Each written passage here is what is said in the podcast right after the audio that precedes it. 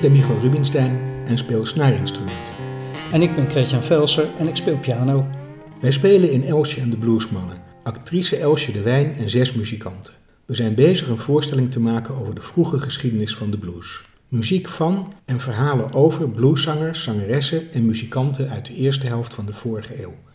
Door corona moesten we het werken aan de voorstelling tijdelijk onderbreken.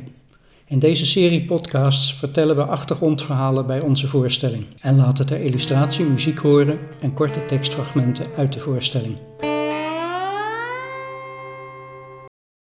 In het eerste deel van deze aflevering uh, hebben we het gehad over wat de grote migratie op gang bracht en hoe de stroom voornamelijk zwarte mensen naar het noorden en naar de noordelijke steden uh, op gang kwam en hoe de blues daarin meekwam. In dit deel praten we over hoe de blues aankwam in de steden en wat dat deed met de muziek. Hey, dan gaat er dus een enorme stroom mensen, weliswaar niet allemaal tegelijk, maar naar het noorden toe. Dat, dat moet niet vanzelf zijn gegaan. Nee, nee dat leidde tot, uh, ook weer tot wrijving eigenlijk. Mm -hmm. uh, nou, die mensen kwamen aan, veelal in, in, in de grote steden, in de in industriesteden. Uh, soms waren daar helemaal niet voldoende woningen voor ze, dus zijn er in el tempo slechte, slechte, huizen van slechte kwaliteit uh, bijgebouwd. En de bevolking die er al woonde, ja, die zag ze ook niet uh, altijd graag komen, of eigenlijk heel vaak niet graag komen. En dat had voor een deel ook economische redenen. Dat waren vaak ook migranten uit Europa. Uh, die waren bang dat hun banen verdwenen. En, en dat was soms ook zo. Door de Eerste Wereldoorlog waren er ook banen vrijgekomen. Uh, die, plekken werden toen ingenomen voor een deel door, ja, door nieuwe migranten. En dus dat leidde tot enorme onvrede, waarbij de vakbonden zich heel sterk achter de witte werknemers opstelden.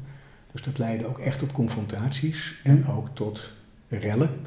Uh, er is een hele grote rel in, in de zomer in Chicago geweest, waarbij tientallen doden zijn gevallen. En wat ik zelf dan wel heel opvallend vind, uh, want je vroeg eerder uh, waarom zijn de Afro-Amerikanen in het zuiden dan niet in verzet gekomen. Kennelijk hoorde dat niet bij de manier waarop ze er daarover dachten. Maar in het, in het noorden doen ze dat wel. Hm. Vechten ze wel gewoon terug. En nou ja, goed, dat leidt dan wel tot, tot nog meer geweld en tot doden. En toch is er ook een positief signaal, gek genoeg, wat, wat daarvan uitgaat. In ieder geval dat de mensen niet meer alles over zich heen laten komen. Nou, verder vinden er precies de verdringingsmechanismes plaats die bij iedere migratiegolf ook, uh, ook hier in Europa plaatsvinden. En waardoor er altijd weerstand is tegen migranten. Ze nemen onze plekken in. Nou ja, uh, als ze in, bij ons in de buurt komen wonen, dan gaan wij weg. Ja, ja. En die huizen werden meteen dan duurder gemaakt, de huur. Dus, uh, bekende verhalen. Dat zijn ja? bekende verhalen in, in, feite. En dat verheven, zich in de jaren dertig als de economische crisis toeslaat. Want dan zijn er ook minder banen. En nou ja, dan wordt de weerstand eigenlijk alleen maar groter. Hebben we daar muziek over? Ja, we hebben wel wat, wat muziek daarover. We hebben een, een nummer van Big Bill Brunsey, Black, Brown and White. Big Bill Brunsey is een interessante figuur, heeft uh, uh, heel veel nummers gemaakt, ook op heel veel platen meegespeeld, daar zal ik zo nog wel iets over vertellen. En heeft zelfs ook nog een tijd in Nederland gewoond, later in de jaren 50 meen ik. Maar die heeft wel een heel aantal nummers gemaakt van, met een sociale strekking. Uh, we spelen er ook één van in onze voorstelling. Dit is een ander nummer, dat Black, Brown and White met steeds terugkerende regeltjes. Uh, if you was white, you was alright. If you was brown, stick around. But if you was black, get back. En dat is, een, ja, is ook weer een grimmige boodschap. Ja. This little song that I'm singing about, people you know is true. If you black and gotta work for a living now, this is what they would say to you. They says, if you was white, you'd be alright. If you was brown, stick around. But as you black, oh brother, get back, get back, get back. I was in a place one night, they was all having fun. They was all buying beer and wine, but they would not sell me none. They said if you was white, you'd be alright. If you was brown, you stick around, but as you black, oh brother, get back, get back, get back.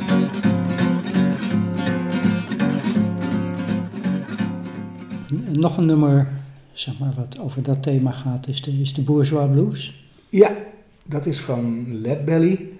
Led Belly is echt een hele bijzondere figuur. Uh, dat is even een, uh, een zijstap, want die speelt, niet zozeer een rol in The Great Migration, maar is wel te interessant om niet over te, te vertellen. Led Belly leidde een zeer roerig leven bij die verschillende malen in de gevangenis belandde, onder andere voor doodslag. En hij kwam uit de gevangenis omdat hij zo een geweldige muzikant was. In de gevangenis is zijn muziek opgenomen door vader en zoon Lomax. Dat was ook een heel interessant stel. Uh, John Lomax, de vader, was ooit begonnen met het verzamelen van uh, hillbilly muziek. En heeft daar een boek over geschreven. Uh, maar was eigenlijk in alle muziek wel geïnteresseerd. En zijn zoon Alan ook. En zij zijn in opdracht van de Library of Congress... zijn ze opnames gaan maken van Afro-Amerikaanse muziek. En dat hebben ze voor een deel in gevangenissen gemaakt. Bij de chain gangs, worksongs. Hm? Uh, maar ook uh, buiten zijn ze, als ze hoorden, daar zit een interessante artiest, zijn ze die op gaan nemen. Led Belly, uh, ze hebben, het heeft een beetje de naam als, als zouden zij een rol gespeeld hebben in het vrijlaten van Led Belly. Dat is maar zeer de vraag of dat echt zo is. Waarschijnlijk uh, is dat eigenlijk niet zo. Dat is ook wel een beetje typerend voor de Lomaxen die zich wel graag groter maakten ja. dan, dan ze waren. Uh, maar Led Belly die was uh, echt een unieke figuur in de zin, hij had een ongelooflijk muzikaal geheugen. Als hij een nummer één of twee keer had gehoord, kon hij het naspelen. En hij was dus een soort wandelende encyclopedie van muziek. En heel veel van die nummers zijn ook via hem eigenlijk uh, bekend geworden. Ik liep een paar dagen geleden nog te luisteren naar een soort verzamel-cd van mm -hmm. dan kom je ze allemaal tegen. Midnight Special, Rock Island Line, Take This Hammer, Good Night Irene. Uh, nou, uh, het, is, het is echt een enorme... Hij zal ze niet geschreven hebben, maar hij pikte ze op. Ja, precies. Ja. Uh, maar dit heeft hij wel geschreven, hm. want hij heeft al een paar nummers geschreven en die, die zijn weer heel kritisch. hij heeft, toen hij uit de gevangenis was, een tijdje voor de Lomaxen gewerkt. Met name eerst voor de vader, John. En dat was een hele moeizame verhouding. Hij was chauffeur. En uh, nou ja, s'avonds wilde hij wel eens de kroeg in of misschien achter de vrouwen aan of wat ook. Uh, terwijl John die wilde hem echt uh, onder, binnen bereik hebben en daar een oogje op houden. En dat leidde tot steeds meer wrijving. Zo'n goudmijn. Ja, ja, dat leidde echt tot, tot steeds meer wrijving en dat is uiteindelijk helemaal misgegaan. Uh, en over die periode heeft hij een heel verbitterd nummer geschreven dat hij nooit meer chauffeur voor de Lomaxen wil zijn. Maar toch met Alan is het altijd een soort haat-liefde verhouding gebleven. Alan was uh, belangrijk in de burgerrechtenbeweging, mm -hmm. Uh, terwijl zijn vader John daar heel erg aarzelend tegenover stond. Dus dat was ook een reden voor conflicten tussen hen. En Led Belly die heeft, heeft op een gegeven moment dit nummer geschreven, Bourgeois Blues, waarin hij vertelt hoe hij met zijn vrouw op zoek is naar een, een woning in Washington, in het keurige Washington DC, echt een keurige bourgeois town, home of the brave, land of the free. Maar, maar, maar voor hem geen huis. Maar voor hem geen huis, want een, een, zwarte bewoner op de trap, dat wou men absoluut niet. En daar heeft hij nou, dit heel mooi nummer over geschreven. Hm?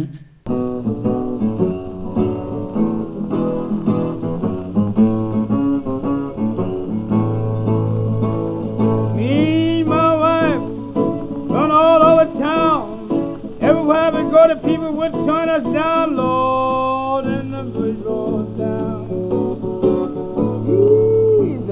bourgeois down. I got the bourgeois blues gonna spreading years all around.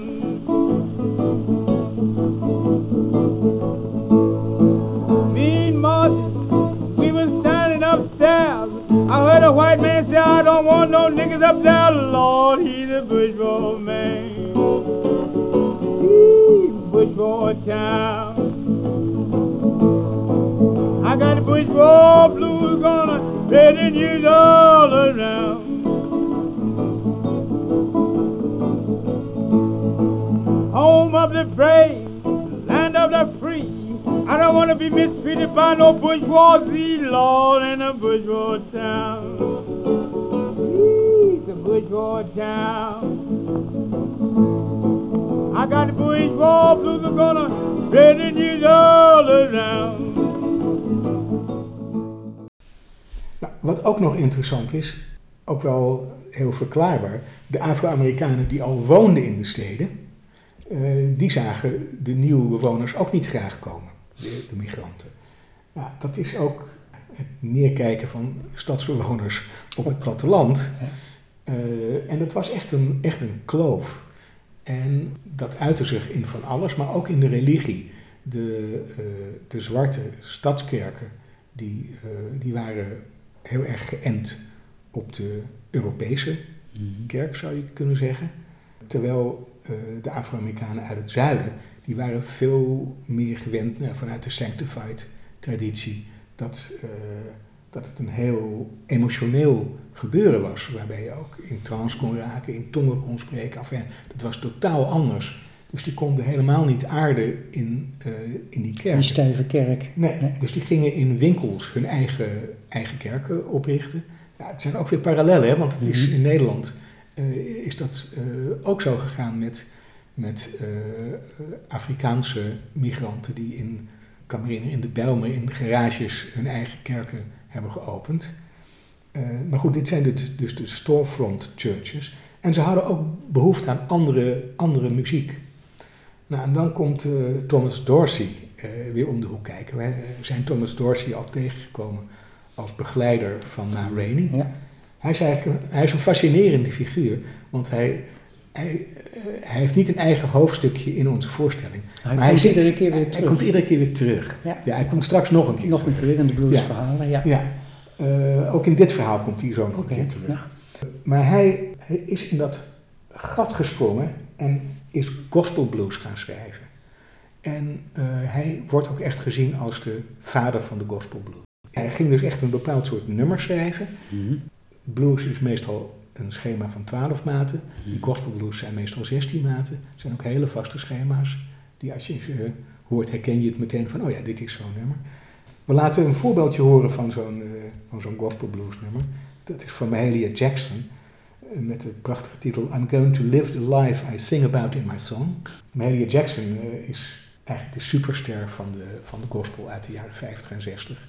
Mede ontdekt door Thomas Dorsey. Ehm, en zij heeft de doorbraak kunnen maken naar een wit publiek. En daarom is ze zo enorm populair geworden. Zij kwam ook op televisie in, in eh, programma's waar iedereen naar keek. En, en zij heeft dus die overstap gemaakt. Mahalia Jackson.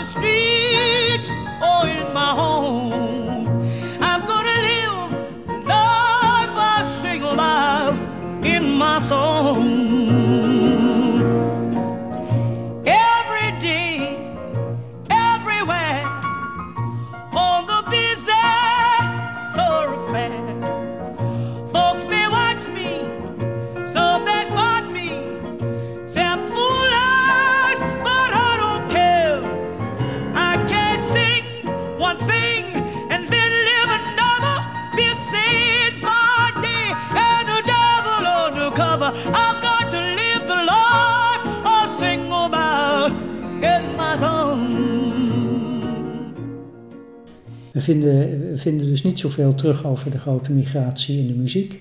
Nee, Wel in andere kunstvormen. meer in ieder geval, ja. Eh, in de jaren, eh, vanaf de jaren 20 ontstaat in eh, New York iets wat de Harlem Renaissance is genoemd. En dat is eigenlijk een, hele succesvolle culturele Afro-Amerikaanse periode in de kunst. En misschien de allerbelangrijkste figuur erin is een dichter, Langston Hughes. Eh, we laten zo ook nog even een gedicht van hem horen. Eh, hij heeft veel erover geschreven, maar er zijn meer ook beeldende kunstenaars. Er is een, eh, een prachtige serie over de migratie gemaakt, de Migration Series, door Jacob Lawrence. Die heeft op houten panelen, heeft hij in hele sterke kleuren, op een, ja, op een, in een stijl die ergens tussen abstract en eh, juist heel figuratief in zit, heeft hij de migratie beschreven. Ja, naïef. Ja, in zekere zin ook. Je ziet een, Schetsmatig. Ja. ja, ja, je ziet de enorme groepen mensen lopen. Je ziet de treinstations, de overvolle treinstations. Eh, maar soms zie je ook eh, nou ja, bijvoorbeeld een, een, lege, een leeg huisje wat is achtergelaten. Of, of je ziet alleen maar een soort mengeling van kleuren. Ja, dat is een hele expressieve, kunstzinnige verwerking van The Great Migration. Heel erg mooi. Kan het iedereen aanraden om eens eh, te bekijken. En eh, nou ja, Langston Hughes heeft, eh, heeft veel geschreven en die heeft bijvoorbeeld een heel mooi gedicht geschreven, One Way Ticket. This poem is called One Way Ticket. I pick up my life and take it with me, and I put it down in Chicago, Detroit, Buffalo, Scranton, Harlem, any place that is north and east and not Dixie. I pick up my life and take it on the train to Los Angeles, Bakersfield, Seattle, Oakland, Salt Lake, any place that is north and west and not south. I am fed up with Jim Crow laws, people who are cruel and afraid, who lynch and run, who are scared of me and me of them. I pick up my life and take it away on a one way ticket, gone up north, gone out west, gone. Nou ja, dat laat, eh, dat laat aan duidelijkheid eh, niets Nee. over, denk ik. Dat, Nee. dat, spreekt, eh, dat spreekt voor zichzelf. Maar nou terug naar de muziek. Je hoort wel een andere verandering in de muziek. En die heeft ook wel te maken met de Great Migration, denk ik. Eh, De Great Migration zorgde er ook voor dat eh, Afro-Amerikanen meer geld kregen. Die in het noorden woonden in ieder geval. Want eh, al was het daar ook veel opzichten verre van ideaal. Met hun banen die ze hadden in, in de industrie. Voor de mannen, voor de vrouwen was het vooral huishoudelijk werk. verdienden ze wel veel meer dan ze hadden verdiend in het zuiden. En konden ze het dus ook veroorloven om bijvoorbeeld een grammofoon te kopen. Of een eigen radio. En als ze een grammofoon kochten, kochten ze ook platen. Mhm. En gingen ze ook, eh, nou ja, zo gingen ze naar, eh, Concerten. ja, en, en zo ontstond... dansgelegenheden. Precies, Ja. ja. Ja, dus er ontstond ook ehm, voor de platenmaatschappijen meer afzet. En daarmee werd het, eh, het maken van speciale platen gericht op die markt, op die Afro-Amerikaanse markt, werd aantrekkelijker. Dat is één ding. Tweede is dat eh, de techniek van het opnemen steeds beter werd. Eh, aanvankelijk eh, trokken de platenstudio's gewoon door het land en zetten dan hun spulletjes op in een, nou, in een zaaltje boven een café of, of ja, waar dan ook. En Een gingen dan- mobiele studio. Mobiele studio, ja. En dan, dan kwamen daar mensen naartoe en die gingen dan in een hoog tempo, en dan, eh, werd er dan iets opgenomen. En ja, dat werd langzamerhand werd dat beter en, en allemaal ook steeds professioneler. Ehm, en ook dat kunnen we weer eh, met Thomas Dorsey als getuige, nou ja, niet bewijzen, maar die is daar eigenlijk zelf ook een voorbeeld van. Die, die kwam als, eh, als hele jonge man naar Chicago, omdat hij pianist wilde worden. Hij, hij, kon, hij kon goed piano spelen en ontdekte al heel snel dat er eigenlijk voor hem heel moeilijk werk te vinden was, want hij was niet goed genoeg. Er waren heel veel professionele gieten, pianisten, zeker in de jazz, eh, en die, die waren geschoold. Eh, en dat was hij, dat was hij niet. Eh, dus hij voorzag in zijn onderhoud door te gaan spelen op rentparties. Rentparties waren, waren feesten die mensen gaven als ze eh, de huur niet konden betalen. dan gaven ze bij zichzelf thuis een feest. En dan moesten bezoekers een beetje toegang betalen, 50 cent. En dan zorgden ze dat er drank was. En, eh, en nou ja, de Amerikaanse, weet je, coleslaw en aardappelsla, dat soort dingen. En er werd in een kamer misschien nog ergens voor geld gepokerd. Uh, hier en daar ging het ook nog wel gepaard met prostitutie.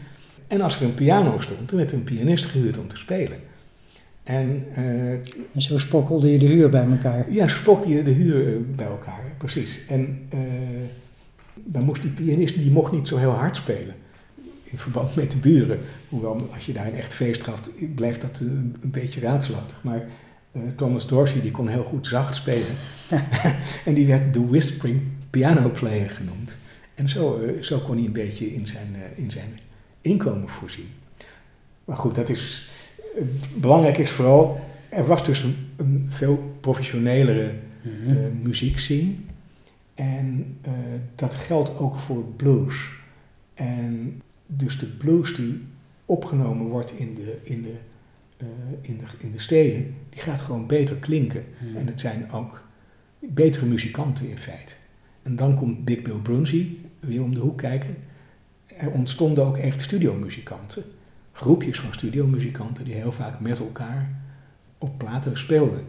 Uh, Big Bill Brunsey, Tampa Red, Big Maceo, Memphis Minnie. Uh, er was dan een, een, bekende producer, Lester Melrose, die huurde altijd diezelfde mensen in. En die hebben honderden platen gemaakt. Mm. Bij honderden moet je dan vooral denken aan 78 toerenplaten met, hè, met op beide kanten één nummer. Maar dat is, een, dat is wel een verandering. Ja. En uh, ja, dan verandert de muziek ook. Ja. Die wordt ja, wat stadser, wat gladder zou je kunnen zeggen. En het, het, iconische nummer wat dat demonstreert is How Long Blues van Leroy Carr. Dat is echt het iconische nummer van... Uh, Waarom is het iconisch? Omdat iedereen het kende, omdat iedereen het speelde. En bijvoorbeeld Muddy Waters, als die later gevraagd wordt uh, op de plantage, als ook weer Alan Lomax hem komt opnemen... Uh, van, nou, dan vertelt hij ook, het eerste nummer wat ik leerde spelen, dat is How Long was Blues. How Long Blues. Mm. Het was een nummer wat gewoon iedereen, iedereen kende en iedereen speelde. En nog steeds. En nog steeds. Het ja. is nog steeds een enorm populair nummer. En ja, in die zin echt een, echt een demonstratie ja. van, uh, van, ja, van de verandering naar platteland, naar de stad.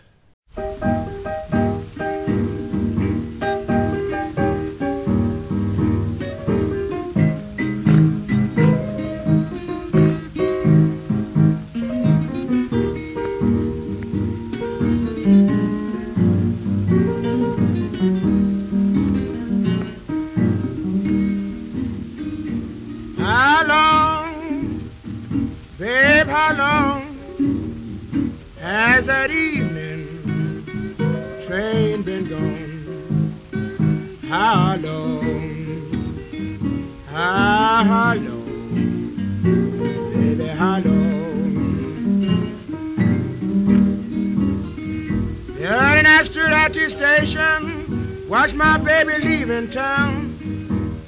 Blue and disgusted, nowhere could peace be found how long, how long, baby, how long.